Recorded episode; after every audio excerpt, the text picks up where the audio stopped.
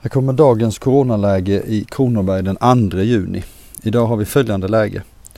Antal konstaterade fall är 863, det var 850 igår.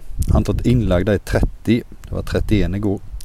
Antal på IVA är 6, samma som igår, varav en då är från Region Jönköping. Antal avlidna är 70, det var 67 igår. Det är tre äldre utanför sjukhus som är rapporterade. Jag tror minsann att våra prognoser stämmer. Vi verkar ha stabiliserats på en platå gällande inneliggande patienter.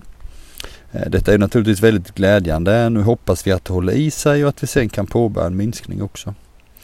Idag har vi haft möte kring hur vi ska öka antalet provtagna i länet. Vi försöker hitta olika sätt att sköta så mycket som möjligt med automatik och digitala lösningar. Och vi hittar olika sätt att ta hjälp av andra organisationer. Allt för att så många som möjligt som har behov ska kunna testas. Folkhälsomyndigheterna har ju ändrat indikationerna för testning på äldreboende och därför kommer samtidigt antalet prover inom priogrupp 1 och 2 öka. Vi testar också möjligheten för självpåtagning som är ett bra alternativ om det fungerar.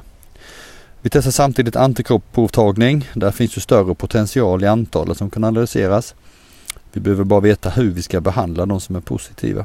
Där pågår ett stort arbete. Så håll i, håll ut